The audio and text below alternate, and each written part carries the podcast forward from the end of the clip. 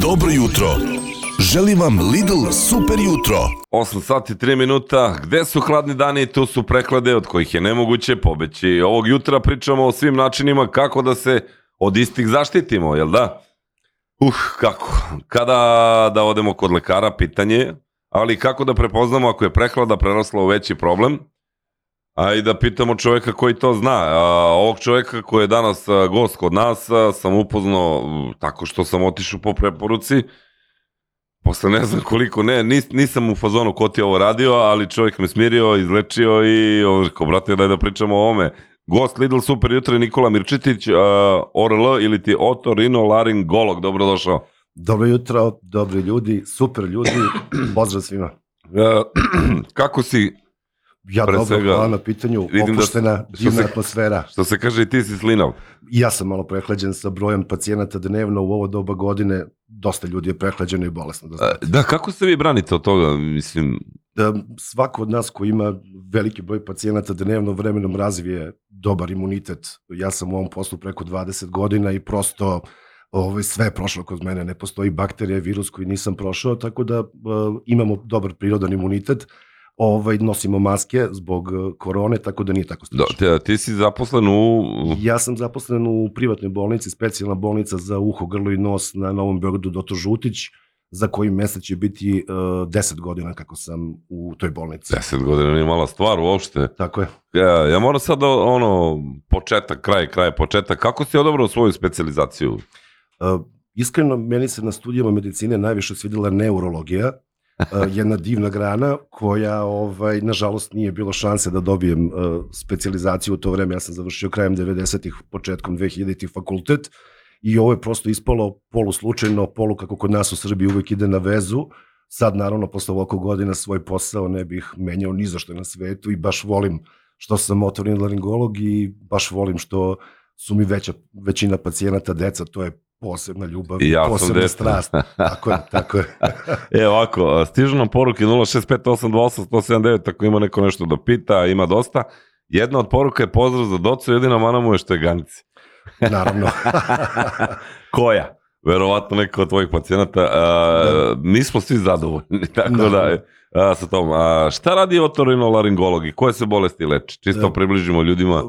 Uglavnom, ljudi ne znaju da je otorinolaringologija jedna poprilično velika e, i ozbiljna grana medicine. Svi, su, svi misle to su uši, grlo i nos. I naravno, Ja sam mislio. i to jesu najčešće e, e, regioni, tako da kažem, delovi tela kojima se mi bavimo, ali ORL je ozbiljna, ozbiljna hiruška grana. Vi imate prvo operacije uha, e, koje su izuzetno ozbiljne i vrlo često se rade sa neurohirurzima. Onda imate e, operacije na vratu, koje je naša regija, ko iole zna ljudsku medicinu, zna koliko je vrat komplikovan, tu su najveći krvni sudovi glave i vrata, pa onda imate alergologiju, audiologiju, fonijatriju, Uf. ali je činjenica da se najviše bavimo i najviše posla imamo u ovim uh, jesenje zimskim periodima kada dominiraju infekcije gornje disajnih puteva, a nos, grlo, sinusi, treći krajnik i uši su naša regija. A, m, m, poprilično mnogo ljudi poznajem koji a, imaju problem sa sinusima. Tako je. A to je, da li je to nekad bilo tako ili je to sad u ovo novo vreme? S- uh, Sve više uh, dominira ne samo kod nas, nego i u svetu alergo, alergije i bolesti vezane za alergije u koje svakako spadaju hronične upale sinusa. To je od Ne. alergije? E, kažem, jedan Aha. od razloga je alergija. Neka gruba procena kaže da nas e, trenutno na svetu ima oko 8 milijardi e, čovečanstvo, ne, negde oko 3,5 milijarde ljudi po nekoj grubi proceni ima neku formu alergije.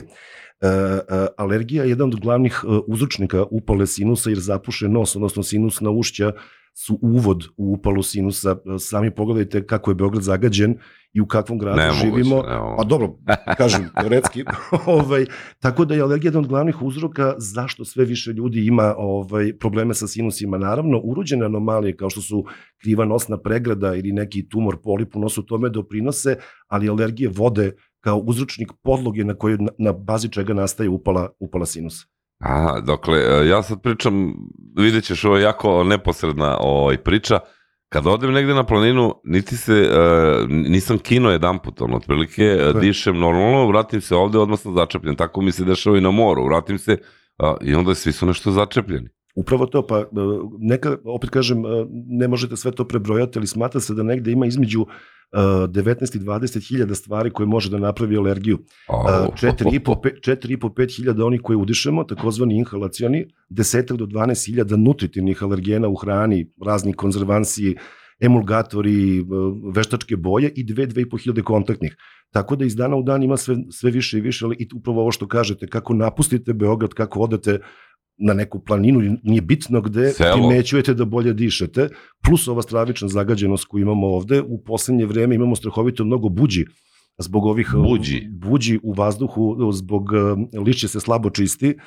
To sam pre neki dan slučajno video na televiziji, jedan pametan čovjek je pričao, i jako mnogo vlage ovaj, koja buđe jedan od glavnih alergena. Čim se zapuši nos, automatski se zapušeni sinusi, uh, pad imuniteta, umor, kontakt sa bolesnim osobom, evo ti početka upale sinusa. Tako da, kažem, nije samo alergija, to mi je samo važno da napomenem, nije alergija, ali jedan od glavnih uzroka upala sinusa Pa svakako. divno, da li kapa zimi pomaže da se zaštitimo? Pa suštinski, opet infekcija ide preko nosa, ali ko ima problem sa sinusima, on ima naviku da ih utopljava, zašto da ne? Znači kapa može da pomože. Može, može. Dakle, ljudi, da nešto kažem ja pametno, nosite kapu.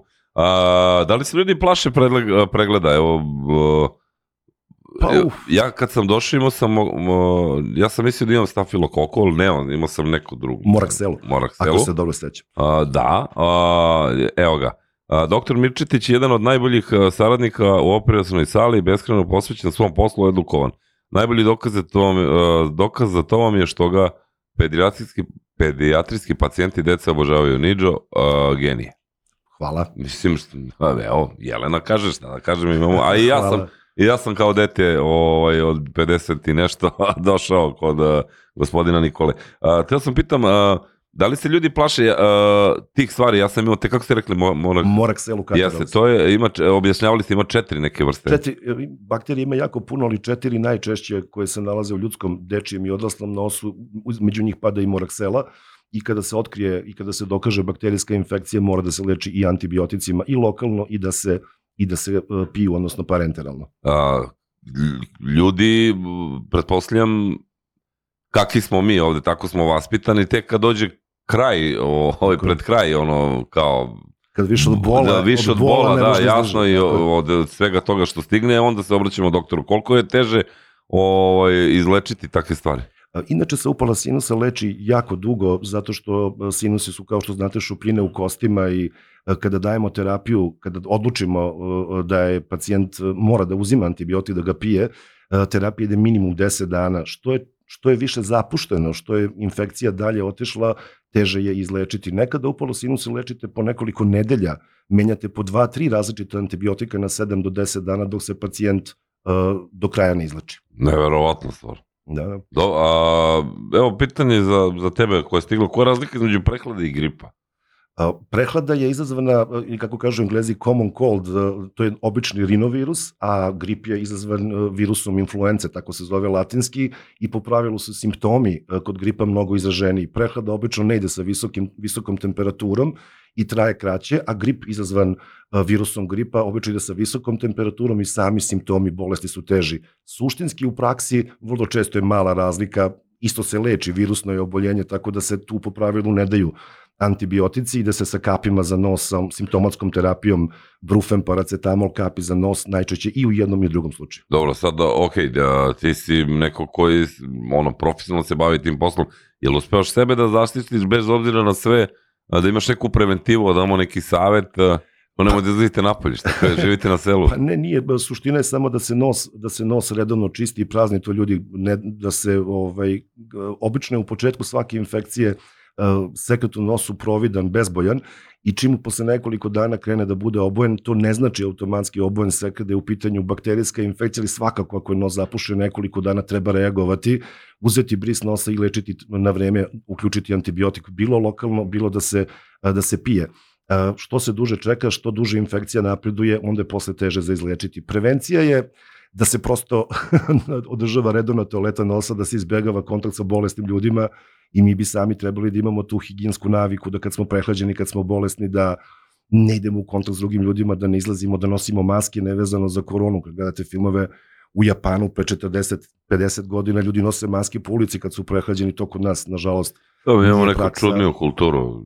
kod nas je dominantan beli luk, mastu, devet voda, čupkanje kose, Jasno sve. dede u čačkanje Pančevu i nosa. Tako, apsolutno. Da, to nam je, ali Tako o, opet, a, b- ranije kada sam bio klinac, zapušen nos bilo je a, kao da, kako da, da nije bio sprej za nos, niti kapi za nos, nego već je bila neka, a, kao mentol pomirišeš, ako se, a, ja ne mogu se setiti sad toga više. Sad, Pa, sad ja moram da priznam da u, u sekundi ne mogu da se setim. ali kao pomirišeš taj fazon i kao malo te O, nos otpuši. se malo otvori, tako je. Od toga tako je. više nema sad.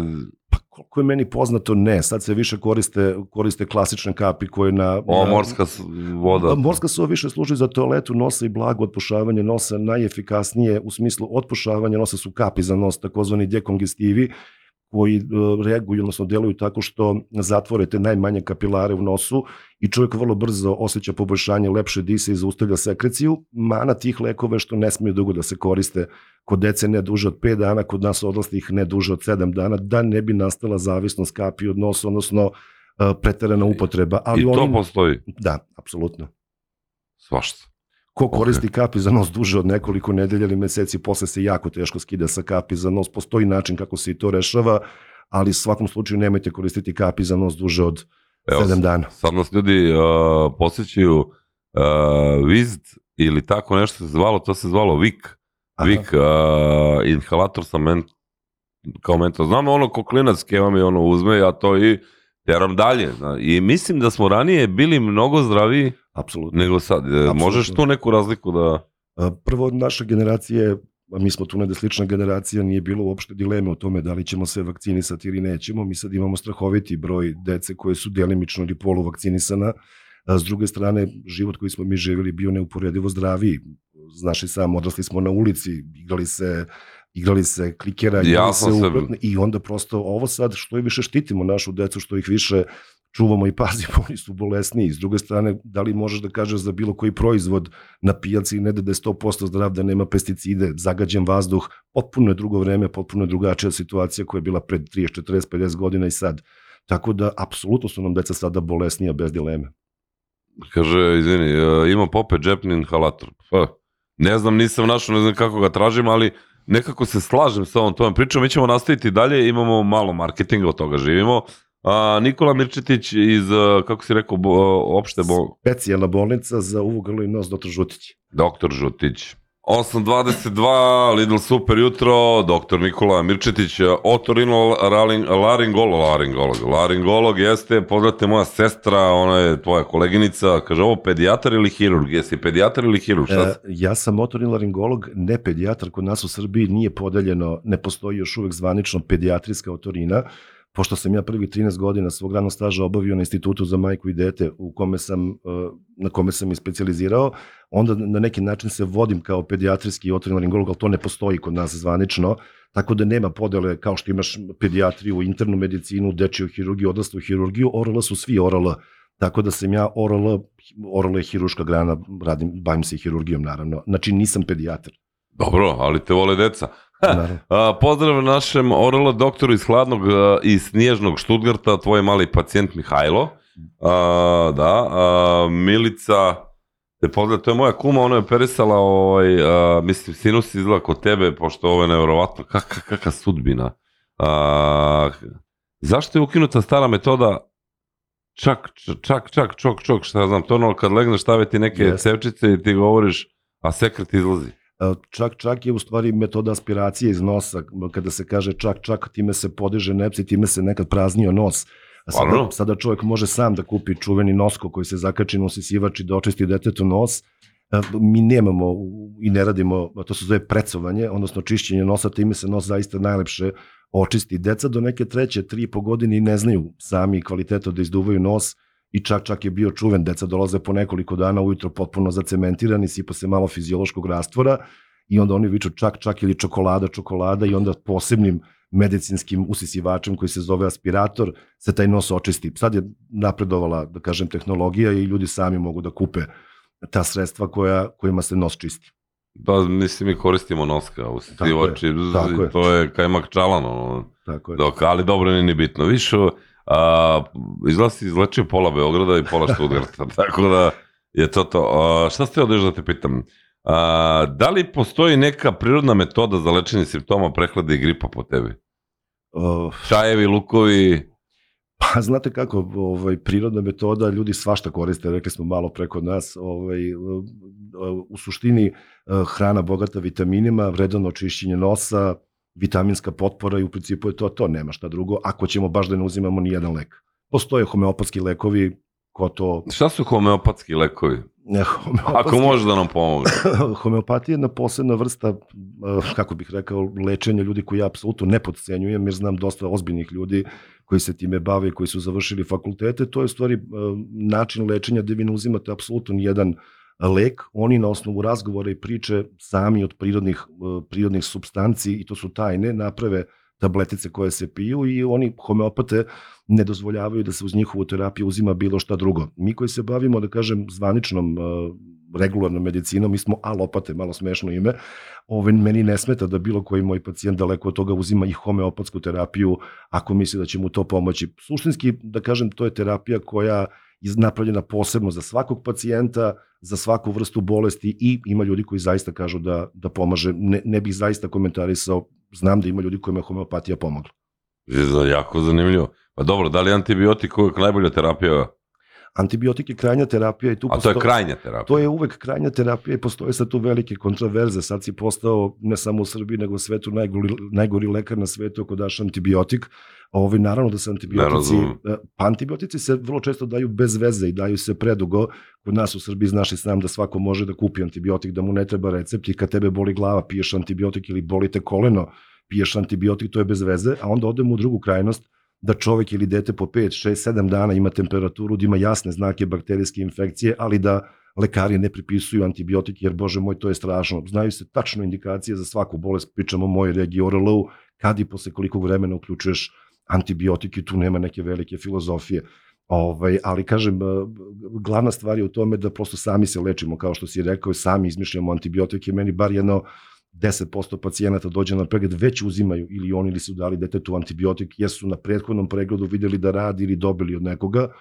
Mislim da ne treba sami da uzimamo bez pomoći stručno, bez konsultacije sa stručnom osobom antibiotik. E, sad moram da te pitam ovaj, a, da, upoznat sam sa ljudima koji kao idem samo da uzmem antibiotik, jel ti dao doktor? Nije kao, brate, ali to je. A, postoji razne vrste antibiotika, tako? Tako je, tako je. Ovaj, koliko pogrešno ljudi mogu da naprave sebi problem? Pa, zavisnosti da li uzimaju dobar antibiotik za, za, vrstu, za vrstu bolesti i stanja koje imaju. Najčešće se kod nas pripisuju penicilini, cefalosporini i relativno često makrolidi i to jesu antibiotici koji najviše prijaju i koji najviše prijaju za infekcije gornje disajni puteve, najbolje ih leče, ali kažem, zaista ne bi trebalo da sam čovjek uzima antibiotik, to nije neka nauka, ovaj, ali mora da se zna kad se uzima, koje su indikacije, koliko se dugo daje, koje su doze, nije to baš tako jednostavno i nisu antibiotici, da me niko ne sati pogrešno, eh, ja ih smatram lično jednom od najvećih dostignuća medicine i smatram da su apsolutno fantastični, ali kada se daju kad treba i koliko I treba, treba, da. lako se mogu zloupotrebiti, tako da ovaj, samo u stručnu pomoć. Jasno, pozdrav za gosta i super ekipu, svaka čast na izboru gosta. E sad, ovaj, ajde da pređemo pored nosa i uvo blizu, kad, se, kad je neophodno ugrađa, kad je neophodna ugradnja cevčica u uho? E, cevčice su male... E, Šta je to i zbog čega to pitam?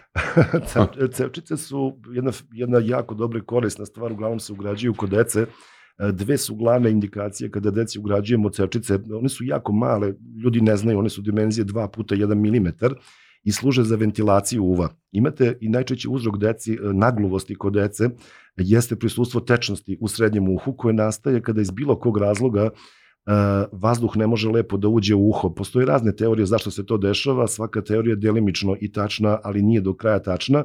Suština je da ako dete ne čuje dobro, a to roditelji primete, i ako to traje nekoliko meseci, onda se radi hiruška intervencija uh, ugradnje tih cevčica u uši, koje stoje obično do godinu dana, služe da uvo, pošto se preko te cevčice ventilira vazduh, direktno ulazi uvo ozdravi i dete super čuje.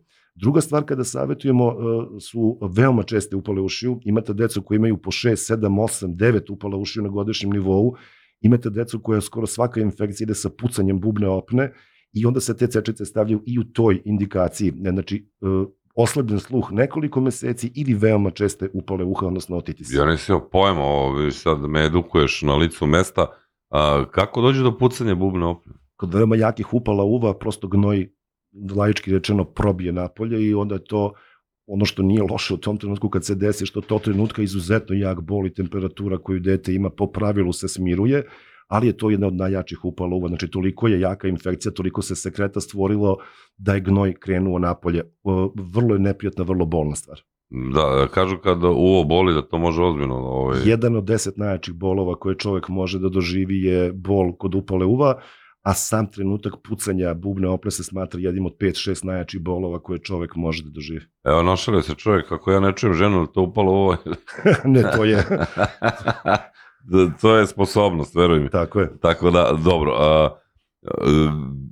opet sad poređenje, uho, grlo, nos, a, kod grla nema takih nekih velikih problema kao kod uha i kod pa, uveta i kod nosa. Pa, ovde je samo gnojna angina. Gnojna angina s tim što redko može da se desi opet, e, kao što i ovde, sam si malo pre rekao, nisi čuo probije gnoj bubnu opnu, mogu da nastanu ozbiljne komplikacije gnojne angine kada gnoj krene u bočne predele vrata. Gnojne angine? Tako je, krene Opa. u bočne predele vrata proces, to se zove peritonzilarni absces, to je već ozbiljnija komplikacija ovaj, i to, su, to zahteva obavezno i otvaranje tog abscesa i obavezno lečenje sa dva, nekada čak i tri antibiotika, tako da i obična upala grla i gnojna angina mogu da se iskomplikuju. Viš, nisam imao pojma da to može tako, mi opet moramo na malu, kratku pauzu, vraćamo se vrlo brzo u Lidl Super jutro, doktor Nikola Mirte, uh, Mirčetić iz uh, specijalne bolnice Doktor Žutić. Koliko je svet mali, ovo je nevjerovatno, ali dobro. Ha.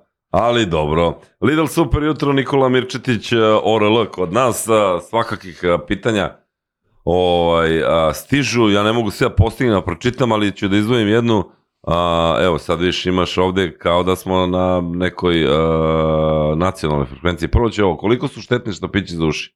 E, štapiće uši ne treba staviti, staro pravilo je u ORL-u sve što je manje od lakta ne sme da se stavi uvo, znači ne sme ništa, zato što mogu da nastanu povrede i dodatno e, zapušavanje uva ako se koriste štapići. Ako čovek zna da ima problem sa većom količinom ušne masti, postoji gomila tih sprejeva koji se koriste. Bitumen, tako zvani. Tako je, postoji gomila i to je nasledna stvar. Ono što je interesantno od tate i mame, pored boje očiju, krvne grupe i ostali stvari, nasledimo i tačan broj tih žlezda koje stvaraju ušnu mast, tako da to nema veze sa ishranom. Ja sam malo više puni, imam mnogo manje masti recimo nego neka manekenka. Zove se mast je kad se stavi pod prste masnikave konzistencije. Jako je važno da se uši ne čiste štapićem, da čovjek redovno koristi nešto od tih sprejeva, sredstava za čišćenje ušiju i ja uvek savjetujem mojim pacijentima da pred letovanje, pred neko planirano odlazak e, u neke terme i negde pred kupanje, da dođu na ispiranje ušiju, zato što kada sa prljavim ušima skočite u vodu, nebitno št, kakva je to voda, da je to more, reka, bazen, voda uđe u uho, ušna mast, laički rečeno, nabubri i potpuno zatvori uvo. Prva reakcija je naravno da gurnemo prst ili štapić da probamo da to izvadimo, u najvećem broju slučajeva gurnemo još dublje ka bubnoj opni i od jedne, ako smem da kažem, gluposti može da nastane ozbiljan problem, potpuno zapušenje uva i vrlo lako upala. Tako da pravilo kod nas, kod nas u ortorini ne stavljate štapiće uši. A mali prst, on ume da ono... da, mali prst, ako je baš mali. Ako je baš mali, dobro, vidiš, nisam, e sad pazi sad srednje uho, kako, kako ono, mislim, gde se nalazi, kako ono na odmah, grabu se... Odmah iza bubne opre se nalazi srednje uho, znači imaš ušni kanal koji je dugačak oko 2,5 cm koji se završava bubnom opnom. Iza to je bubne opre se nalaze slušne koščice i uh, to je srednje uho. Zašto, zašto je to važno? Pa zato što iz pozadine nosa dva mala kanala koje se zove Eustahijeve tube idu direktno u to srednje uho i to znaš i sam malo dete, zapuše nos, to je veliki rizik da će vrlo lako i vrlo brzo nastati upala uva. Srednje uho je znači povezano sa nosem kanalima koje se zovu Eustahijeve tube. Hmm. Probudio sam drugaricu Draganu, instrumentarka, ako sam dobro napisao, kod doktor Žutića da sluša svog kolegu, okej, okay A pitajte za ključ od golfa dvojke, je li on okej? Okay? o, nije ti okej, okay, dobro. Nemojte ništa, čak dobro. ni mali prs što je a, E, a, vađanje treće klinika ili generalno a, njih da li ili da ili ne? Postoje opet i tu vrlo jasne indikacije protokoli kada se... Izvini, dete... ali sad je to, daješ besplatne savjete. Naravno, zašto da ne, naravno. Treći klinik je limfno tkivo koje se nalazi tačno u pozadini nosa i to roditelji vrlo često primetiju time što im dete hrče, ima neprijatan miris iz usta, kašlje i vrlo često upale u šiju. Ako je dete starije od 18 meseci i ako je to veoma često, jako je sad teško reći šta to znači veoma često. Smatra se ne da, svako dete ima pravo da recimo tri pa do četiri puta godišnje bude bolesno, ako u tim pauzama između infekcije dobro ne hrče, dobro čuje. Dete koje je malo, malo pa bolesno, malo, malo pa ima sekret u nosu, pogotovo česte upale ušiju, verujte mi da ima dece koje po 6, 7, 8, rekli smo malo pre kad smo pričali o cečicama, koje su non stop bolesna, to su deca koja su idealna, idealni kandidati za operaciju trećeg klinika. Kada su ova dole nepčana ili palatinalna klinika često bolesni, to je ovo što je Pop malo prepomenuo, angina. Ne mora to da bude angina, ali crveno grlo sa visokom temperaturom, obično streptokokna infekcija, i ako je to 4-5 puta godišnje, svakako je indikacija da se porazmisli operaciji klinika. Ono da imamo jasne brojeve, to su gnojne upale klinika koje se kažu angina, Tako da kad kažete gnojna angina, to je jedna vrsta pleonazma, ali evo ja sam malo pre rekao gnojna angina, nije to nikakva greška. Smatra se da dve gnojne angine na godišnjem nivou, odnosno pet za dve godine su apsolutna indikacija da se pacijentu operišu u klinici. Interesantno. Ja ih nikad nisam operisao. Nisam ja. A uveće ne, da, to, to je bilo zanimljivo baš kad, si mi, kad sam bio na pregledu, ovaj, si mi rekao da je to čudno za, za naše godište. Jel pa, jeste, jel? Opet, opet dolazimo do onoga da su danas mnogo, mnogo nezdravi uslovi života i sad ja nemam, nemam baš konkretne podatke da kažem, ali svakako se deca češće operišu nego pre 20-30 godina. Da, sva, svašta ovde stiže, uh, hladan sok navrnuti. Mislim, verovatno ima, ljudi, ima, ljudi, ima ljudi kojima zaista hladno ne prija, zato što hladno smanjuje lokalni imunitet i znate u praksi da imate prijatelje, poznanike koji kad popiju hladno pivo, hladno Coca-Cola, sledeći dan i boli grlo, Ovaj, sad je tu pitanje da li je to indikacija za operaciju klinika, to čovjek mora sam da odluči. Ono što mi gledamo kao, kao glavna indikacija, to je učestalost prave bakterijske infekcije klinika, to su indikacije za operaciju svakako. A, izvini, pozdrav svima, pitanje za goste, imamo skoro konstantno zapušenu jednu nozdoru, nekad levu, nekad desnu, redko sam otpušen u potpunosti, kada bi stavio par katpi, odmah bi sve bude o, otpušeno, nestavljenih zbog zavisnosti, šta je rešenje? Hm. A, rešenje je najverovatnije u pitanju neka forma alergije ili vazomotorni rinitis ili alergijski, kapi za nos treba zameniti kortikosteroidnim sprejima za nos. Kad kažete kortikosteroid, to zvuči onako vrlo dramatično. Kortikosteroidi u sprejima za nos u dozama u mikrogramima i praktično su potpuno bezbedni. E, e, mora se koristiti ta terapija, ali svakako obaviti pregled. Neizmenična zapušenost nosa, leva pa desna strana, a koje kapi jako lepo i brzo otpušavaju najčešće ili alergija u pitanju ili jedna druga forma koja se zove vazomotorni rinitis, da ne idemo previše duboko, ali okay. na sličan način se na sličan način se leči. Znaš šta je dobro ovde? Ovo sad posle ove emisije, kad odem negde, znaš, i neko mi je kajem, brate, to ti je to, pusti me, da, da. ja, doktore, ja kajem, nisam ja doktor, ali uh, odvedi, volim... Odvedi dete da se stavi cečice i treći kad ti ja kažem, da. Eto, čuli ste, da, uh, pope pite za klinike vaditi ili ne, ok, ovaj... Ako mi, ako mi dozvoliš samo dve stvari. Izvoli, u tvoje vreme. Pa, pošto, pošto je, postoje dve glavne zablude, kada pričamo sa roditeljima svakodnevno u ambulantama, jedna je da se treći klinik vraća, baš tim rečima, a drugo je kada se skinu ova dva klinika, nepčana klinika, klasična klinika, da se sve spušta na pluća. I onda ljudi vrlo često izbjegavaju ovaj, da, da pričaju, i jedno i drugo nije istina.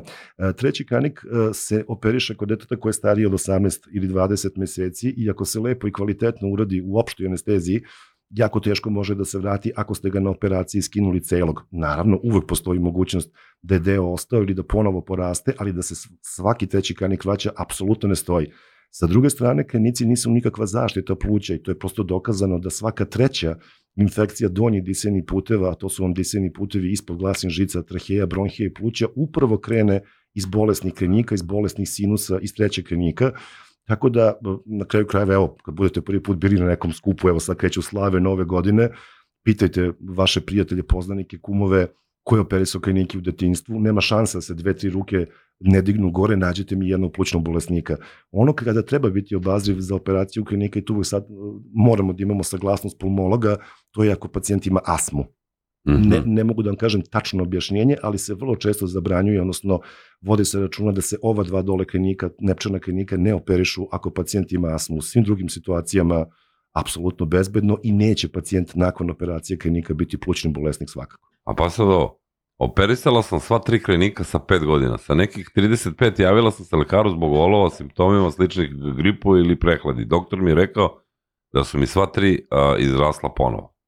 Um, to se jako, jako redko dešava. Najverovatnije kada, kada je rađena operacija da klinici nisu skinuti u celosti. Dovoljno je da ostane pačence krenika na operaciji dimenzija, lupam, 3 puta 3 mm, to pače krenika, to limfno tkivo će se ponašati kao ceo krajnik i upali i boli i može da napravi temperaturu. Zanimljivo. Da li se sad preporučuje tebi i meni da operišemo klinike? Samo u situaciji da su toliko veliki što bi do sad već uradili da imamo ozbiljno hrkanje noću prekide u disanju ili da u našim godinama imamo veoma česte angine, mada bi u mojim i tvojim godinama to bilo poprilično bolno i neprijatno nekoliko dana posle operacije. Pa dobro, izdržali smo, pa živimo? Šta I to je ti? tačno. Nemoj To je tačno. to. E sad uopšte ne znam da li je ovo šala ili nije šala. Znači, poruke samo stižu, jer ne, što mi je super, ne moram ja te pitam neke moje gluposti, već Dobro. pitaju ljudi zašto kada pogledamo svetlo lakše kinemo. Ne znam je li to šala ili... To je refleks. To je refleks koji nastaje Aha, znači više Sad- ima. i postoji ta refleks, ali sam sa u sekundi ne mogu da setim preko kog nerva ide, kad se pogleda u sunce nastaje kijanje. Zanimljivo. Svetlo sunce. Ha. A, izvodila sam sva tri klinika s tri godine nikad nisam imala problem, imam 40 godina, evo, to je Upravo to. upravo Upravo to. ono što je doktor pričao. A, pitaju ljudi za nagluvost, a, da li pogađa, pogađa samo starije ljude? Ljudi znaju da postoji nešto što se zove staračka dalekovidost, e, ono što je, što je manje poznato da postoji slična stvar koja se zove staračka nagluvost, odnosno da posto sa vremenom čovjek sve slabije i slabije čuje i znamo one čuvene priče šale kad dođeš kod bake ili deki urlaša, on te ništa ne čuje. E, U principu e, ta vrsta kod odraslih osoba nagluvost je nepopravljiva, znači nije kao kod dece sekret u ušima pa se rešava operacijama, to je prirodan tok starenja, odnosno gubitak sluha i u nekom trenutku kada čovek dođe u stadijum da stvarno ima problem u komunikaciji, jedino trajno rešenje je slušni aparati, pošto smo već više puta pomenuli da smo specifična sredina, znači ne možeš da shvatiš kakav otpor ljudi imaju prema slušnim aparatima, Dobro, jasno. kao da su, kao da su, znači nosit će naočare 20 dioptrija pepeljare, nije problem, ali slušni aparat, to je kao da mu kažeš da, kao da ga vređaš, kao da od njega praviš invalida. Možda ne može da se pomeri čovjek ali, sa tim. ali je poenta priča o tome da kao što naočare pravi da super vidimo, slušni aparati su izuzetno važni, pogotovo kod starijih ljudi, ako stvarno imaju poprilično oštećen sluh, to može da bude problem kad prelaze ulicu, može auto da ih ud- udari, kad ih zove neko od ukućena, ako žive sami, ne mogu da se jave, Tako da, a, pogotovo ako već uđe u stadijum da ne čuju glasan govor, to je svakako da se porazmisli o nošenju slušnih aparata. Viš, nevjerovatno stvar. Evo Sad pitaju kako sačuvati taj sluh. Ma- Ma... A, sluh prirodno, znači prirodno to je individualna stvar, znaš i sam da imaš baki i deke od 90 godina koji je stavio iglu u konac, super vide i super čuju, ali prirodno sluh kod svakog od nas vremenom slabi, činjenica kasnije nego nego vid. Vid između 40. i 50. godine života već počinjemo da nosimo naočare zbog staračke dalekovidosti, sluh obično kasnije strada i Sad suštinski Povredio, izvini, zato što sam počeo nosim na ovaj naočare, sad da li je to staračka, ali ne, ne staračka, staračka, staračka dalekovidost. Obesit ću se. E, to se kažem za taj sluh, ja mislim da je dobro kada si sa ženom 90 godina da u nekoj 65. krećeš Tako je. da izvadiš tako slušni aparat. O, e, dobro, rekli smo da li nagluvost pogađa samo starije ljude? Ne, a, ali i, u, uglavnom je to taj staračka, tako, Tako da. je, ba- pazim, postoje razli drugi oblici oštećenja sluha, pričamo o ovim najčešćima, pogađa svaku stariju osobu. E, moram da te pitam, nisam pustio reklame, ali pustit ću i kasnije, zato što je jako zanimljivo. A, posle čovjek pa, poruku, pojavio se a, veliki kašalj. Jeste. Šta je veliki kašalj? Veliki kašalj ili pertuzis, ako se sećaš, ovaj, je e, vrsta infektivnog oboljenja koje smo svi vakcinisani. To je ona čuvena DTPR vakcina koju smo dobijali svi. Ovaj, sad je to malo promenjeno, pa je to sa pentaksim koji ima, pored DTPR-a, još dodatno neke vakcine. I to je praktično ne je bilo iskorenjeno. Upravo ono čemu pričamo, da u zadnje par godina postoji ozbiljan antivakserski lobby u Srbiji, ko to nije znao, mogo je da vidi za vreme korone, Uh, zaista se javio veliki kašalj. Znači, to je nešto što ja moram da priznam da nemam iskustvo kao lekar, jer kad sam počinio i kad sam radio, ovaj, nije bilo aktuelno, međutim imamo sad skoro svakodnevno decu koje dolaze kašu po nekoliko nedelja i to je više domen stvarno pedijatrije, uh, kako se leči, šta se leči, ali postoji tuberkuloza u Srbiji se javila isto tako zbog onih nesrećnih ratova 90-ih i dešavanja na Kosovu, ljudi nisu dobili redovnu vakcinaciju, Tako da, nažalost, imamo neke bolesti koje se polako javljaju, za koje smo stvarno mislili da smo ih, da smo ih Iskorenili. iskorenili, tako je. I, ima leka, pretpostavljam. Da, da, naravno, naravno. Naravno to. Ako pukne, pukne bubna opna, a, da li se regeneriše? U najvećem broju slučajeva da, bubna oprema ima fantastičnu moć regeneracije. Ako je neka, obično prilikom infekcije i prilikom pucanja bubne opne, u najvećem broju slučajeva bubna opna će zarasti. Ali ako je u pitanju trauma, odnosno povreda bubne opne udarcem u uvo, uh, uh, neka eksplozija, sa onako malo ulazimo u ono kako mi učimo to školski, ako je velika perforacija preko nekoliko milimetara, onda postoji šansa da ne zaraste i onda se radi jedna operacija koja se zove timpanoplastika gde se pravi nova bubna opna, odnosno I kao radi se, okej. radi super, sluh je jako blizu, jako blizu, ne može da bude nikad baš savršen kao kod imaš svoju bubnu opnu, ali sluh bude poprilično, poprilično dobar. Mislim da DJ-evi i mi koji radimo na radiju zbog ovih slušalaca je. imamo ozbiljan problem. glasna muzika i to može da napravi problem sa, sa oštećenjem sluha ljudi koji rade u fabrikama u velikoj buci, to je sad druga, to je sad već... 94. nas slušali. Tako je, to je, sad, to je sad već nešto što dolazi u, u domen medicine rada, ali to je apsolutno dokazano Medicina da rada, dobro. buka ne prija ušima, naravno. E, pred a, reklame i vesti, a, moram da te pitam, a, ne ja, pitaju ljudi, a, znam par ljudi koji su imali neuspešne operacije devijacije nosa. Uh -huh. Od čega to zavisi i da li postoje devijacije koje je nemoguće operisati? To je sad pitanje samo da li je, da li je u pitanju samo devijacija nosa ili da li postoji unutra otok tih nosnih školjki. Čovek u nosu ima nosnu pregradu koja deli nos na levu desnu stranu, ima tri nosne školjke, hrskavičeve tvorevine i vrlo često je, e, pored devijacije, prisutno i uvećanje tih nosnih školjki. Ako se operacija uradi korektno i ako te nosne školjke nisu uvećane hipotrofisale, čovjek bi trebao da diše potpuno normalno posle operacije. Ako operacija, odnosno operacijom nije dovoljno ili kvalitetno korigovan nos, a ili su ostale te hipertrofije nosne školjke, onda je moguće da se ne dobiju zadovoljavajući rezultati posle operacije. Pazi, neverovatno, znaš, kao... Ja imam a, devijaciju, to si rekao, Imaš, i nisam je. za operaciju. Dok ti ne pravi probleme. A mislim, ne hrčem, kažu da ne hrčem. Ako ne hrčeš i nemaš česte upale sinusa, jedan od glavnih razloga I upale imam sinusa, često palesinu se e, kao... onda ćemo da vidimo šta ćemo. Ja, škut sam i rekao ovo. A, pitanje za veliki kašalj, da, da li su vakcinisani zaštićeni ili ne. Drugo pitanje, zbog čega se javlja zujenje ušima koje nije povezano sa pritiskom ili nekim drugim oboljenjima. Ja se izvinjam, dotore, ali ovo, šta ti kažem? To se, što se tiče velikog kašlja, on ostavlja jako dobar imunitet i jako je važno da se dobiju dve doze, koliko ja sad znam, kažem, promenjalo se, sada su to vakcinacije drugačije, ja sam učio onako školski DTPR vakcina, sad su to pentaksimi i razne druge, ali dve vakcine za pertuzis bi trebalo da ostave jako dobar imunitet. Sa druge strane, suštinski ne postoji vakcina koja baš 100% može da zaštiti od bilo koje infekcije, ali svakako ostavlja jako dobar imunitet, tako da naša deca sad dobijaju dve doze čak mislim neka i tri pentaksima u kojima ima vakcina za veliki kašalj i trebala bi da budu jako dobro zaštićena tim vakcinama. Šta si, šta si me pitao drugo pitanje? A... Koje, a, zbog čega se javlja zujenje ušima koje nije povezano sa pritiskom ili nekim drugim oboljenjima? Zadatak nas otorinolaringologa je da utvrdimo ili uklonimo uzrok od strane ušiju. Najčešći uzrok zujanja ušima može da bude prisustvo ušne masti, može da bude oštećen sluh različitim stvarima, može da bude upala uha. Naše kao otorinolaringologa je da ovaj, utvrdimo da li je zujanje ušima posledica naše bolesti. Pacijent mora da se pogleda, ako su uši čiste, nema ušne masti, obavezno uradi audiometrija, to je ispitivanje sluha sa slušalicama, koje jasno pokazuju da li postoji oštećenje slušnog živca iz različitih razloga koje može da napravi zujanje ušima. Ne računajući našu oral regiju, zujanje ušima može zaista da bude povećan krvni pritisak, vratna kičma, razne druge stvari. Latinski se zujanje ušima kaže tinnitus i preko 100 različitih razloga postoji koji mogu da naprave zujanje ušima. Nadam se da ste zadovoljni ovaj odgovorima, o, nekako smo uspeli da vam damo besplatne savete. Mi, mo, evo, molim vas, moramo na reklame, muziku i, i vesti i vraćamo se vrlo brzo u Lidl Super jutro. Lidl Super jutro, dr. Nikola Mirčetić iz specijalne bolnice dr. Žutić, tu na Novom Beogradu. A, da, jedno pitanje za tebe i za mene, kako mi, a, ček, ček, ček, kako ide, kako mi grobari da sačuvamo sluh u areni?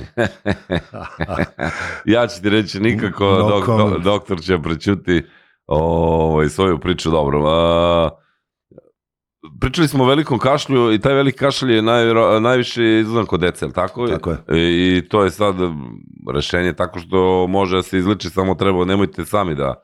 Da, obavezno, znači ob, kompletna vakcinacija i onda ste poprilično zaštitili, Doktore, zaštitili svoje dete. Šta mislite o šerbetu kao leku? To je, to je stari lek za iskašljavanje, ovaj, svaki topli napitak eh, kada se uzima malo, ras, da kažem, razvodni sekret, napravi ga u plućima malo manjim, to su oni, pričali smo, stari lekovi, šerbet, eh, špinovano mleko, maždanje masti na grudni koš ili meni, meni je majka stavljala kamilicu, ono, ovaj, da kažem, zagreje, proprži, pa u pelenu sve što greje pluća razvodnjava sekret, to su onako narodni lekovi za iskašljavanje. Dobro, nekad Tako nisam. da šerbet, naravno, šta što da ne. Šerbet je, kažu, da keva. kažem, ja polazim od toga da je medicina postojala pre nas koji se sad bavimo medicinom, antibiotika nije bilo do pre 80 godina, ljudi su i gomila tih narodnih lekova i tekako korisno im može da pomogne.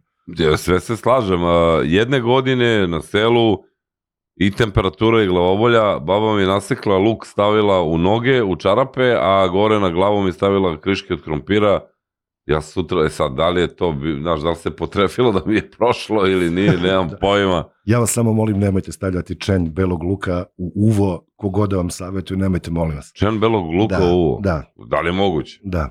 To više nisam čuo. E, to je bio preporuka određenih nadilekara. Ja sam bio tad mlad lekar dežuran na oraloj klinici na specijalizaciji. Bila je emisija, čini mi se, kod Vanja Bulića, Crni biser i bio je neki nadilekar koji je rekao da nema ništa bolje. Cijelu noć sam vadio beli luk penzionerima iz uva. Prvo što užasno boli, s druge strane što ne možeš mu ništa. Znaš kako izgleda čem belog luka, gladak je, ne možeš ni jedan način da ga uhvatiš, a kako dodirneš pacijenta užasno boli. Tako da ja uvek kažem sve može, sve radite, samo nemojte beli luk u uvo, molim vas. I ja moram isto se nadovežem na ovu priču. Ljudi uh, svašta preporučuju na ovim društvenim mrežama, nemojte, stavim proverite. Mora da se proveri. Jasno sve, mislim, to je ima, to. vrlo, ima vrlo korisni stvari, ali zavisi koji je izvor i ko, ko, ko je taj koji preporučuje. Ja. Da, pričali smo, ko nije slušao, ali izgleda ste se sad uključili u upali krajnika i gnojvenoj agini, sve smo to pričali, ovo emisija će biti na YouTube-u, sve što vas interesuje možete ovaj, da vratite. Sad zanimljivo pitanje, ne znam da li smo pričali o tome, nemo, mnogo smo, a mislim da jesmo, možda i nismo. A, na koji način najbolje isprati nos kada je on zapušen? Isprati nos. Isprati, da. Da li postoji ispiranje nosa? Određeni, određena postoji savet, postoje čak sredstva kojima se velika količina fiziološkog rastvora ili morske vode po 10, 15, 20 i više kubika sipa u nos. E, Iskreno nisam pristalica toga, nisam ja neko ko određuje kako se terapija određuje, ali je činjenica, probajte sebi da stavite od jednom 15, 20, 30 kubika vode u nos. Ta fiziološki rastvor je slan, on ima 0,9% kuhinske soli, stavljanjem velike količine, pogotovo kod dece, vi taj sekret i to gurate ka pozadi, sliva se u grlo, vrlo je neprijatno. Kada se čisti nos, dovoljno se stavi nekoliko kapi fiziološkog rastvora ili nekog dobrog slavnog rastvora u spreju, sačeka se par sekundi, pola minuta i onda što smo pričali noskom ili nekim drugim ima različitih sestava za praženje nosa ispražni napolje. Deca starija od 3-3,5 godine bi već trebala da lepo kvalitetno znaju sami da izduvaju nos. Kažem, ima lekara koji propiru nos, ima roditelja koji su prezadovoljni tim efektima, ja ne branim, mislim, niti mogu nekome da branim bilo šta, ali propiranje pogotovo velikim količinama nisam nisam pristalica toga. Zna zašto, evo, vi, se, opet mora se nadovežem, a, izašlo je mali milion nekih oglasa, sad ima neka pumpica, za, deti, detetu za, začepiš jednu nozdro, ne, nego u jednu Jeste. staviš pa guraš, pa ono kao ispadaju, ispada sekret, pa ne znam, kako mi stari, to samo izduvavanjem ili... Samo, samo izduvavanjem kod odraslih nema šta drugo i kažem, mi smo nekada i starima, može da se radi taj čuveni čak čak, odnosno sad modifikacija toga, ali odrasla osoba zna da izduva nos. Deci ispod tri godine, neću reći da je nemoguće, ali redko koje dete ispod tri godine starosti zna da samo kvalitetno izduva nos, nakon toga treba kroz igru ih učiti da sami duvaju nos. Dobro, ja se slažem. E sad pazi ovo pitanje koje je stiglo. Zašto kod nas boli grlo, kad nas boli grlo preporučuju topao čaj, a sve septolete hlade? Šta je bolje, toplo ili hladno kod bola u grlu i zašto se preporučuje sladoled kad se operiš u klinici? Ajde da- ne, ne, ajde- stvarno ne znam. A da krenemo, da krenemo od ove druge stvari. Operacija klinika je jedna rutinska operacija, ali ko je proživeo operaciju klinika zna koliko je to bolno nekoliko dana posle operacije. Ono što strogo zabranjujemo pacijentima nakon operacije dve nedelje, ne smeju da jedu ništa što je grubo, ništa što je oštro, znači nikakva korica od hleba, pomfri, grisine, čips, ništa od svega toga Zbog? i zbog toga što može da nastane krvarenje na mestu gde su bili klinici i s druge strane to je vrlo neprijatan bol da čovjeku kad pomisli na gutanje obične pljuvačke nije dobro. I onda šta možeš da daš? Možeš da daš sladoled koji je ovaj prvo deca ga sad pričam opet o deci, ali važi i za odrasle, Dobro. prvo što je mekan, s druge strane hladno napravi uh, ohladi rane, manje manje boli i teoretski čak i neko malo, malo krvaruckanje ili krvarenje može da se zaustavi hladnim. Tako da sladoled je to je tipično i vezano za operaciju klinika da decu kad nagovaramo da će to biti super, da će jesti po dva sladoleda dnevno, stvarno ih i ne lažemo sa jedne strane jer zaista to mogu da uzimaju da uzimaju svaki dan. Uh, izvini, pr a prvo pitanje je bilo, prosti, A, zašto kad nas boli grlo nam preporučuju topao čaj, a sve sep, septolete hlade, septolete. no. Septolete pa, možda ostavljaju, ostavljaju utisak hlađenja, te septolete, postoje opet različite septolete različitih, različitih sastojaka. Septolete, postoje one koji imaju lokalne anestetike, eh, kao što je lidokain, one koji u sebi imaju lizozim, one koji imaju biljne preparate. Eh, U svakom slučaju lokalno hlađenje kod upale se, opet kažem, ne savetuje. Posle operacije da, ali hlađenje, lokalno hlađenje dodatno pospešuje infekciju. Tako da to je subjektivan utisak da septoleta hladi, ovaj, ali pomaže svakako. Dobro, okej. Doktor, zašto se daju, uh, uh, kad je krajnje vreme da dođe do injekcija? Znači, pacijent, Jesam, je, kad je krajnje vreme da dođe do... Jeste, tako piše. kada, kada se proceni u samom početku da je bolest toliko, da je infekcija toliko jaka na osnovu krvne slike, lokalnog nalaza i temperature pacijenta da sirup neće, sirup ili tablete neće pomoći, ili ako ste već krenuli sa dobrim antibiotikom, a pacijent ne reaguje dobro, ostavi se, preporučuje se 2 do 3 dana da uzima antibiotik i pacijent vam se vrati, apsolutno mu nije bolje, onda se ide na inekcije. Ha. Pozdrav, pozdrav. Muke moje sa njima. Imam gadnu devijaciju i problem sa sinusima, a nemam hrabrosti da legnem na sto. Jednom sam pobegao sa odeljenja, nisam dete. Dobro, pitanje je da li Dobro, nije prijatno kada treba da idete na operaciju bilo čega. A do, operacija sinusa, se spavaš, ne spavaš, šta, to sečeš, ne Op- sečeš? a, ono što ja lično se ne bavim hirurgijom sinusa, Ali međutim pretpostavljam da sada znaš. se, sada se operacije sinusa rade takozvanom, u najvećem broju slučajeva, takozvanom FES tehnikom. FES je skraćenica od funkcionalna endoskopska sinuskopija. Zvuči mnogo komplikovano, uopšte nije. Sam naziv nije kom, operacija je naravno vrlo, vrlo komplikovana i rade e, prefinjeni stručnjaci. E, e, malim endoskopima, to je mala metalna cev, se kroz proširen otvor sinusa ulazi u sinus i može ceo sinus da se lepo očisti i operiše sa minimalnom traumom. I medicina u stvari ide u tom pravcu da će a, se sve u budućnosti raditi sa minimalnom traumom tkiva, sve više kompjutera, sve više tehnologije, tako da je to jedna izuzetno korisna operacija za pacijente, minimalna trauma, ali moraju da je rade evo reći baš tako nameno, moraju da rade majstori, zato što su operacije sinusa izuzetno komplikovane i svaki milimetar, dva korak u pogrešnom smeru može ozbiljno da naudi pacijentu. Evo, dva ista pitanja.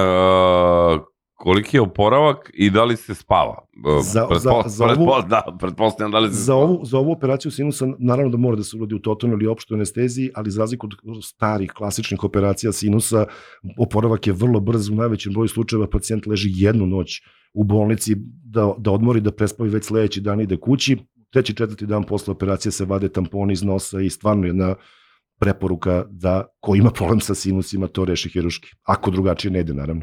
Dobro. Da li ima neke preporuke za narodne radinosti kao što je guščija mast za kašalj? Ja znam zašto Eto, koristi to, čista da. guščija mast. Da, da, pa to, je- pa to je, kažem, to je to iz narodne radinosti, svako sredstvo koje se koje ra- razvodnjava sekret je dobrodošlo, naravno. Dobro, okej, okej. E, Uzrok hrkanja je očigledno... e, Evo, šta je uzrok hrkanja? Ajde da objasnimo i to. Mislim, kad već objašnjam šta ti kažem, dobrodošao si. E, Najčešći uzroci hrkanja, e, kada pričamo o deci, je pre svega uvećan krajnik. Treći krajnik koji se nalazi tačno u pozadini nosa i naravno uvećana ova dva krenika. Kod dece su redke devijacije nosa ta- tako izražene da bi one pravile hrkanje. Kod nas matorih treći krajnik ne da do kraja puberteta u potpunosti nestane. To je interesantno. E, To je limfno tkivo koje se nalazi u pozadini nosa, svi ga imamo na rođenju. Od neke 7. 8. godine života do 20. 25. u potpunosti nestane. Naravno, ima i odraslih osoba koji imaju treći krajnik, ali to je baš, baš redko.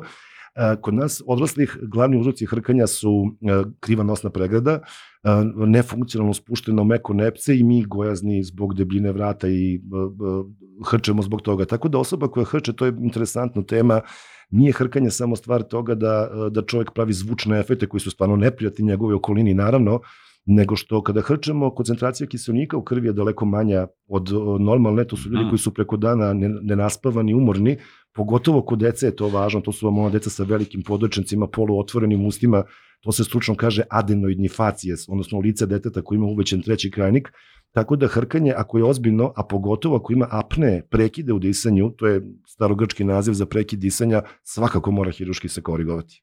Jako zanimljiva stvar, zato što ovaj, jako je simpatično kada beba hrče, ali kada ja hrčem nije simpatično, ne znam koja je razlika, ali nije bitno. Mi moramo stvarno na male kratke reklame, vraćamo se vrlo brzo u Lidl, super jutro, doktor Nikola Mirčetić, ORL, Oto Rino Laringolog, jeste specijalna bolnica doktor Žutić ovde na Novom Beogradu. Još malo o nosu, grlu, uvetu i ovim bolestima opštim, onda pitamo čeka kako je, kako živi, šta očekuje večeras protiv Efesa, kako je kako je pogledao utakmicu sa Young Boysima i to je da li ide u pozorište, šta gleda od filmova, da vidimo čime uopšte ovaj, doktori raspolažu kako vaspitava decu, da li je old school ili nije. A, znači, vrlo kratko ćemo, evo, evo, evo, ljudi, sad ćemo. A, Ovaj, večeras pitanje, mislim da utakmica počinje u 8, danas radim popodne, nekako se namestilo kad Zvezda igra Euroligu od recimo 10 utakmica, ja 9 utakmica radim, a, ovaj, radno vreme nam je popodne u bolnici do 9 uveče, sad ove godine, nešto prošle godine, svaka zvezdina utakmica u Pioniru bila u 7 popodne, znači nijednu nisam Neće. pogledao iz Pionira, Ovo ne znam šta kažem Zvezdi ove godine u košarci, vrlo mi je ono, ne, Čudno, ne znam, vrlo čudno. Nije mi sastavljena ekipa kako treba. Što se tiče ovako uobičajenih stvari mimo, mimo ovaj, posla, ja sam ona old school generacija koja voli rock and roll, koja voli da izlazi. Zato je slušao da- Super FM, to sam provalio u Žutiću, dosta je. ljudi doktora Tako sluša je, nas. Tako je, mi smo tamo svi malo starija generacija koja je odrasla na rock and roll i na tome. Ovaj, tako da ono, kad imam vremena, volim da pogledam film, volim da pročitam dobru knjigu, to moram da priznam da dugo nisam seo da čitam sramota i u pozorištu stvarno nisam dugo bio, ovaj, to je takođe moram da, moram da ispravim, ali prosto se ni ne stiže A, tempo života. mi ćemo da- te a, 9. decembra poslati, ako budeš bio slobodan, Akademija 28, to je subota, idealna polovina, jedna dobra ovaj, Vrlo rado. Da, da, smatra da imaš uh, dve ulaznice za tebe i suprugu, tako da, da Hvala. Milan Kalinić, uh, uh, Mandićka, ima tu do, dosta posjećaja, pročitam tačno ko je. Samo ti kažem da je stigla poruka, operisao, da, operisao sam devijaciju i plus estetiku, šta god to značilo estetika. A, a, to, to se zove rinoseptoplastika kada se pored nosne pregrade, nosna pregrada se uvek operiše zbog funkcije, znači čovjek ne diše dobro na nos. E sad ima ljudi koji nisu zadovoljni izgledom svog nosa, Aha, uključeno to to je neka estetika. grba na nosu i to, onda se radi, to se zove rinoseptoplastika, postoje različite tehnike gde se pored nosne pregrade koja se ispravi tokom operacije reši ta, a, ta, taj problem sa nosem, da li je to grba, da li je to preširok nos, preuzak nos, to se zove estetika nosa. To se radi samo iz estetskih razloga, a nosna pregrada se radi isključivo iz funkcionalnih razloga. Čovjek prosto ne diše dobro na nos. Evo, kaže čovjek, posle toga takva doza samopoznanja, mislio sam na sam Alen Delon. A, ok, svaka čast, naravno. Teo sam pitam, kako sebe ti lečiš? A, ti si sad isto, sam si sebi, jesi vadio krv pa si po tome ili otprilike znaš šta ti je? E, Ja sam nekoliko dana bio slinav, imao sam sekret u nosu i na kada je to postalo gusto, žuto, ovaj, Zeleno. uradio sam, uradio sam bris, imam streptokok u nosu i od prošle nedelje sam sebe lečim, pijem antibiotik i stavljam antibiotske kapi u nos. Dobro, e, sad vidio, a, pričao si malo pre, da, to su neka pitanja pa ćemo onda o tvom životu ovaj, nekih 20 minuta pred kraj. A, e, bezbojne, bezbojni sekret, žuti sekret i zeleni sekret, je li? A, Vi ne možete na osnovu boje sekreta utvrditi da li je virusna ili bakterijska infekcija, uvek je dobro da se uradi bris, s tim što opet napominjem ne mora bris da bude pozitivan, bris može da bude a, lažno negativan, da čovjek ima stvarno bakteriju u brisu nosa ili brisu grla koja prosto nije dokazana. Nije dobro uzet bris, pokupili ste mrtve mikroorganizme i ništa ne poraste na, na podlozi, ali svakako onako gruba procena sekret kod alergije je onako providan, uh, lepljiv gust, kod virusnih infekcija teče voda iz nosa, a obojen sekret je po pravilu prljavo, beo, žut, zelen, je bakterijski, ali kažem ne možete samo na osnovu, mora se dokazati prosto brisom uh, da li postoji neka bakterija ili ne. Dobro, to ćemo verovatno da radimo bris uskoro, ali nije ni bitno. E, sad ovako, a, kod koga je laringitis češći, kod dece ili odraslih? A Laringitis je svakako češći kod dece zato što uh, slivanjem sekreta iz gornjih disanih puteva nosa i trećeg krenika uh, mnogo lakše nastaje nego kod nas odraslih i kod dece je, ha, ajde ne kažem opasniji, ali deo gde se nalaze glasne žice u sredini grkljana laringsa je najuži deo disenih puteva. E, Hrskavice dečje grkljana su mnogo mekše mnogo e, e, podložnije zatvaranju nego kod odraslih, tako da kod dece veoma lako može da nastane kod laringitisa ozbiljno gušenje za razliku od nas odraslih, tako da svaki laringitis kod dece treba shvatiti ozbiljno. Ne kažem da je kod nas odraslih bezopasan daleko od toga, ali dečiji laringitis, pogotovo taj takozvani subglotisni, to znaju roditelji kad dete bukvalno opisuje se onako ružno kao lavež psa, ali stvarno tako zvuči, to je nešto što obavezno mora da se manje više hitno ode kod doktora i dobije adekvatna terapija. Dobro, i uh, još jedno pitanje, uh, šta je bronhitis? Bronhitis je upala bronhija, znači uh, velika... Da li postoje više oblika? Postoji, postoji opet virusni, bakterijski, alergijski, postoji bronhitis i bronhiolitis. Bronhije su velike, kao, ako zamislite naše disajne organe kao drvo, onda je stablo drvo traheja, velika cev koja provodi vazduh od usta, da kažem, do pluća, onda su bronhije velike grane, branhiole najmanje grane, a lišće, da kažem, alveole preko kojih dišemo. Opet, kod dece su uvek teže kliničke slike, njihovi diseni, diseni putevi su mali, deca do druge, treće godine života ne znaju kvalitetno da iskašlju ti uh, refleksi kaše nisu dovoljno razvijeni, diseni putevi su uži i opet kažem, deca su sklonijama infekcijama, vrtić, škola, kod njih je to češće nego kod nas odraslih. Pozdrav, operisao sam se pre šest meseci devijaciju nosa. Imao sam dugo problem sa polipima, zbog čega mi je urađena intervencija elektrokauterom. Mm. Dobro. Sluznica i dalje nije zarasla, deluje da ima napretka, ali se oporavak odužio. Doktori su iz različitih bolnica im daju, mi daju drugačije terapije, a, nikad kraja postoperativnoj nezi. Sad zaista ne mogu da... Mora da te mora, pogleda neko. Mora, mora da se pogleda, da se vidi, ali ako je čovjek imao polipe, polipi u nosu su najveć, skoro 100% nastaju na bazi alergija. Uh, i ako je korektno urađeno, tu je pored vađenja polipa iz nosa morali su da budu otvoreni sinusi, ono što smo pričali malo pre fest tehnikom, jer polip po pravilu kreće iz sinusa, ne vredi da se ukloni samo iz nosa, mora da se ukloni njegovo polazište iz sinusa, najčešće ovog viličnog maksilarnog, ali da ne pričamo na pamet, ako to zaista taj tako dugo zahteva jedan pregled da se vidi o čemu se radi. Imam dva pitanja pred uh, ovo, pa da malo pređemo neke normalne životne stvari. Uh, A, da li je tačno da su doktori najgori pacijenti? Oh, pa vrlo često da, pa vrlo često da što ne vode računa o sebi, što se sami leče i što vrlo često zanemaruju simptome, nekako najmanje vodimo računa o sebi. Ne mogu kažem da su najgori, ali među gorim pacijentima svakako. A, da nisi otorinolaringolog, a, zašto bi bio doktor? Ja se nadam za A, a, misliš na medicinu ili nevezano za... Da li, šta bi radio? Ja bih jako volao da sam sportski novinar. Ovaj, ja. da ali old school, ali... No. Old school novinar jer se ježim kada slušam prenose sportskih utakmica na skoro svim kanalima. Jedino koga duboko poštujem, vidim da je bio gost na Super FM-u Višković, jedan da. ultra mega car i ta ekipa sa sport kluba, ovo sve drugo nekad imam potrebu da uzem mikrofon i kažem, aman ljudi, šta radite? Da, e, da li si ikad slušao prenos derbija na Super FM-u? A nisam. Pa, poslušaj 20. decembra, radimo kum ja, on je ciganin, ja sa grobar, Dobro. a tipičan prenos, e, dva neka tipa sa istoka i zapada prenose utakmicu svojim prijateljima, hoću, o tome se hoću. A, radi. A, kratka mala pauza, baš kratka mala pauza i onda da vidimo ko si ti, šta si ti, šta voliš, I uh, de voliš, rekli smo da, te, da ćemo te poslati u pozorište, ali Može. o tom potom. 9.35, 1. decembar, tekuće 2023. godine, Nikola Mirčetić, ORL iz specijalne bolnice Žutić na Novom Beogradu, kod nas u gostima. Pa sad ovaj, imam... Uh, ne da nam se da popričamo normalno šta da radim. Kaže, samo da, ovo mi je zanimljivo jako, samo da podelim iskustvo. Kao mali imao sam česte upale uva i grla, inekcije konstantne dok nisam otišao kod nekog sada pokojnog doktora ORL. Pošto sam spavao na perjenom jastuku, nosio perjene jakne, ispostavilo se da sam alergičan na sve to i nakon što sam sve to izbacio iz upotrebe nikada više upala uvete. Da li je moguće? I papagaja sam izbacio. Pa to je ono čemu smo pričali malo pre da je alergija jedan od glavnih uzroka zapušenog nosa. Zapušen nos je uvod u upalu uva i svakako da je, pored sa pričamo o maloj deci, pored trećeg klinika, jedan od glavnih problema sa ušima upravo i alergija.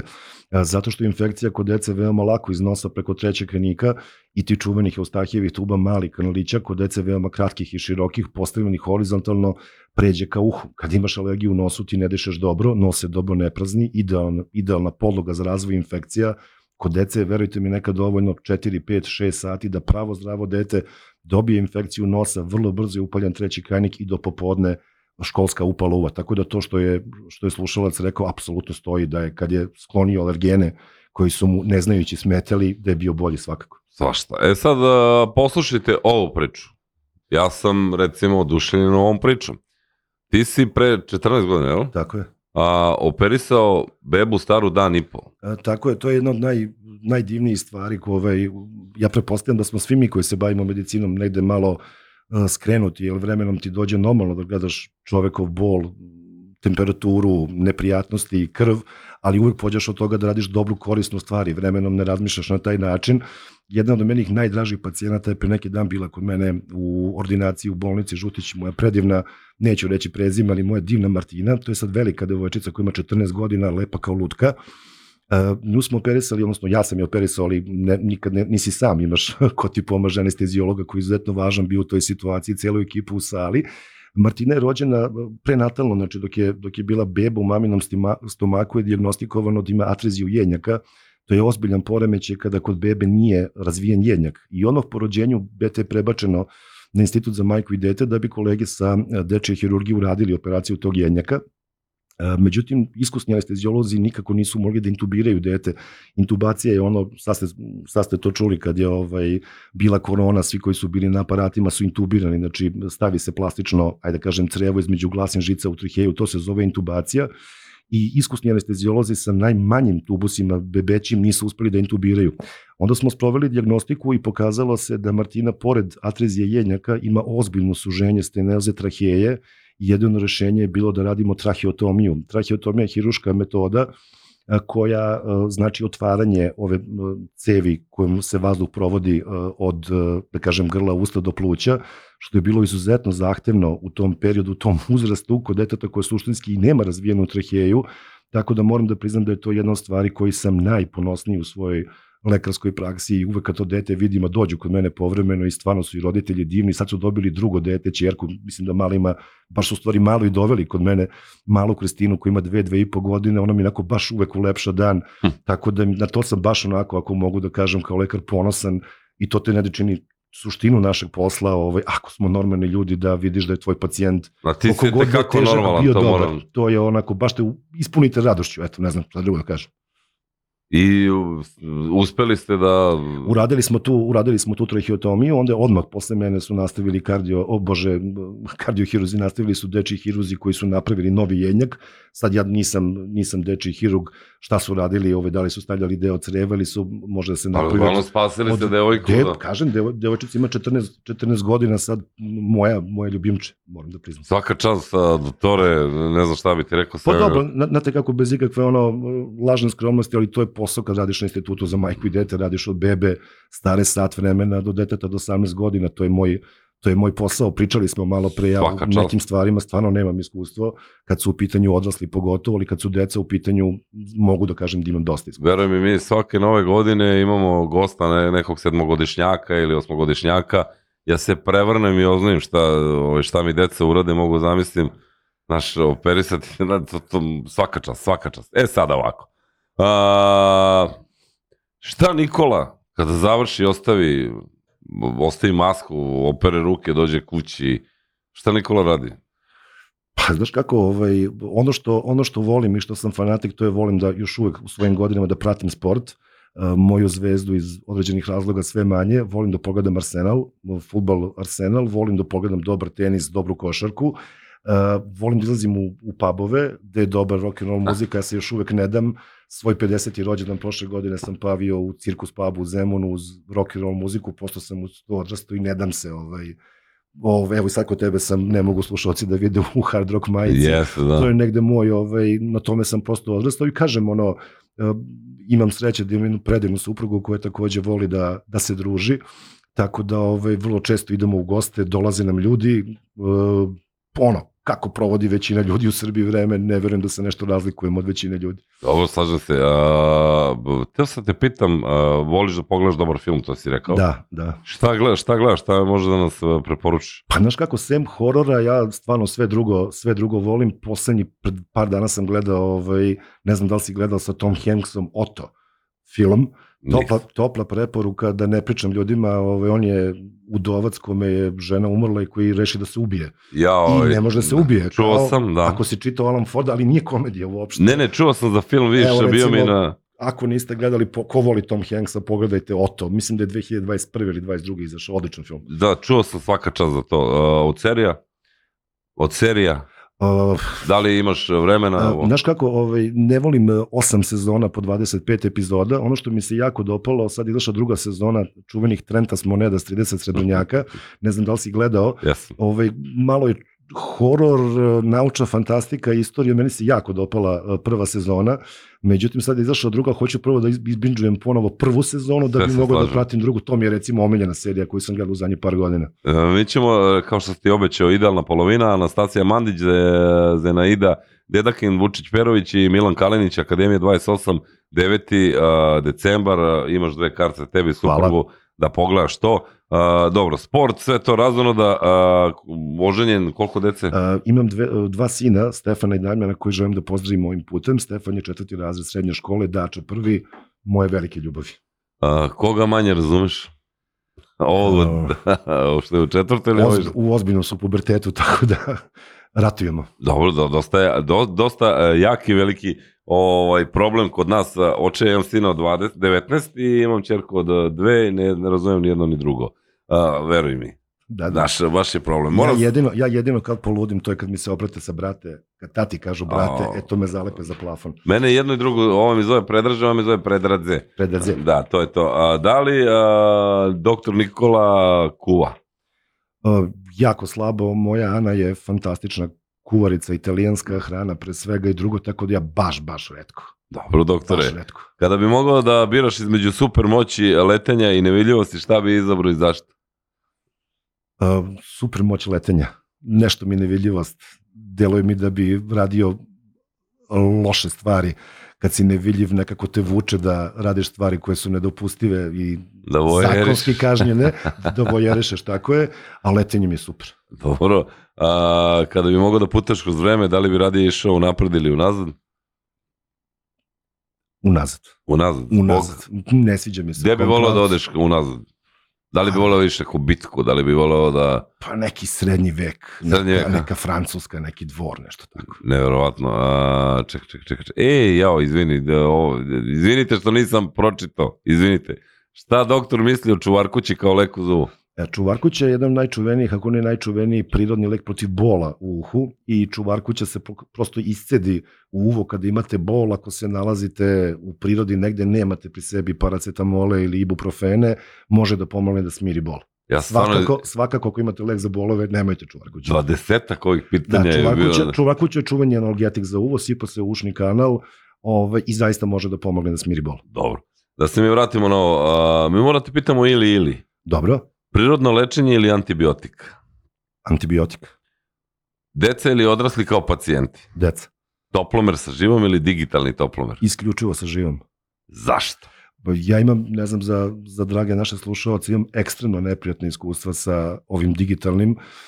I kad su moja deca bila bolesna i ja i kad mi dođu pacijenti, pipneš dete, dovoljno si iskusan da vidiš da gori, on ti pokaže 35 sa 2, dete se hladi, dete normalno, on pokaže 38 ili možda nisam imao prilike da imam u ruci dobar i kvalitetan digitalni toplomer, stara dobra živa je E, neprevaziđena. e, moram sad za, za te toplomere da te pitam. Ja sam čuo a, od jedne gospođice iz, e, gospođe iz apoteke. Kaže da digitalni toplomer, kada čuješ da zapišti, ne treba ga vodiš, nego od tada treba da prođe 5 minuta. Verovatno svaki ima svoj neko, ja i kažem u kući imam još uvek isključivo Ja- živine, tako da te ja- koje sam imao sam Samo potpuno taj tresi, nezadovoljan. mesi to je tako to. je, tako. A, ja se stvarno izvinjavam i tebi i slušalcima. Nemoj da. Mo, mo, zato što sam preskočio izgleda par pitanja. Pozdrav iz Norveške, da li se migrena može povezati sa sinusima i a, još jedno pitanje u vezi migrene, kako se ona leči. Ja se stvarno, znači toliko ljudi poruka stigla, ja sam preskočio neke i- iz eh, strasti, iz eh, neznanja, zašto sam dok je bila pauza pitao doktora za neke svoje probleme i onda, izvinite, dakle, da li se migrena može povez- povezati sa sinusima i šta je migrena i kako se leči? Po meni, koliko ja znam, to je više stvar neurologa, migrena, prava migrena nema veze sa sinusima. Migrena je, a, tipično je da vas ekstremno boli polovina glave, da je praćena fotofobijom, strahom od svetla, mučinom, povraćanjem i ona ima više veze sa a, kontrakcijama, odnosno stezanjem a, krvnih sudova u glavi. To je zaista dome, ovo sad pričam ono kao student a, medicine. Međutim, postoji nešto što se zovu migrenozne glavobolje, a to su slične glavobolje kada čovjeka takođe boli jedna polovina glave, ima užasnu glavobolju i to, ali gde nije uzrok migrena, to može biti upala sinus. Znači, Mhm. ako je neko i ko ima upalu sinusa, zna koliko to ume da bude bolno i neprijatno, ali to je onda glavobolja zbog upale sinusa, zove se migrenozna, liči na migrenu, nije migrena. Migrena je pre svega domen neurologa i oni se time bave. A, eto, izvinite, molim vas što sam okasnio. Mi imamo još baš malo, malo vremena je ostalo do kraja. A, uzimanje antibiotika na svoju ruku i za ili protiv? Apsolutno sam protiv toga zato što moraju da postoje jasne indikacije kada se antibiotik uzima, koji je antibiotik, koja doza i koliko dugo. A, da li koristiš praškove za uklanjanje simptoma i prehlade i gripa? Znaš, ovo u kesicama, Da, apsolutno da, može da se koriste, postoje opet i tu praškovi različitog sastava, uh, imate ono, mislim, možemo da ih reklamiramo, naravno, imate onaj Tylo Hot koji je sjajan, imate uh, Fervex. Fervex, uh, znači svaki od njih ima u sebi malo paracetamola ili uh, ovaj, lekova koji otpušavaju nos, malo drugih sastojaka, apsolutno da. a, pitanje je, ha, da li kada osetiš bilo kakvu prehladu, treba odležati ili... U principu ne. U Ne. principu ne, samo treba voditi računa, ne zaražavati, ne ljubiti, ne dolaziti u blizak kontakt sa ljudima dok se to u najvećem broju slučajeva prehlade prođu same od sebe posle nekoliko dana, samo da budemo zdravstveno i socijalno odgovorni da ne budemo u bliskom kontaktu sa ljudima oko nas. Prosto ako treba da se nosi maska, da se nosi maska, time se pravi dobra zaštita. U najvećem broju slučajeva nema potrebe. Ako čovjek ima temperaturu, malaksa je, loše se osjeća, onda svakako nekoliko dana odmora, naravno. Ukoliko imate neke od ovih, ne daj Bože, simptoma, a, doktor Nikola Mirčetić a, radi u specijalnoj bolnici a, doktor Žutić na Novom Beogradu, imate na netu telefon, zakažite, a, moja topla preporuka i ovde je barem nekih 20 ljudi a, tvojih pacijenata te pozdravilo, pacijenata te Hvala. pozdravilo Hvala. i to je u principu to. Danas, e, da li radiš subotom, nedeljom? E, radimo svaki treći vikend. E, Tako je, tako je mi ORL, radimo svaki treći vikend, subotu i nedelju, dva vikenda smo slobodni. A, želim ti, tebi, želim lično se obraduješ večeras a, Hvala ti. ovaj, pobedom Crvene zvezde nad Efesom. Meni lično, ha, nisam baš taj gas, ali, ali mislim ovo je ipak Željkov kum, a mi poštujemo kumstvo, tako da je to to. Želimo ti da, ne znam, želimo ti se najlepše u životu. Hvala puno. Ja samo ako mi dozvoliš jedan sekund. Dozvo, dozvoljavamo danas je, danas je svetski dan borbe protiv AIDS, onda su Jeste, protiv da. side, ali je danas uh, rođendan mom dragom tastu, gospodinu Milanu Miši Janjiću, bivšem košarkašu Zvezde, velikom beogradskom bojemu i šmekeru, pa samo želim da ga pozdravim i da mu čestitam rođendan. Čika Miša, živeli. Živeli Čikamiša za sve grobare, slobodno idite, dobar je čovjek, nije onaj pa da vas pregleda. A, dakle, s nama danas bio u Lidl Super jutro Nikola Mirčetić, otorino laringolog, mi ga pozdravljamo ljudi, a, uživite u marketingu, danas kreće super decembar, bit će totalni haos, Vinyl Friday i narednih mesec dana ozbiljna priča, 30. decembra ovde ispred platoa Super FM-a novogodišnje, dve predstave, a, u pitanju su Pixi i Zeka mađioničari koje izgleda mi stari poznanci, ako hoće da ti skinu sad kravatu i to, mnogo su jaki i posle dečija predstava ide da mrazi, paketići i sve to. Hvala još jednom što si bio naš gost. Hvala puno, pozdrav svima. Super FM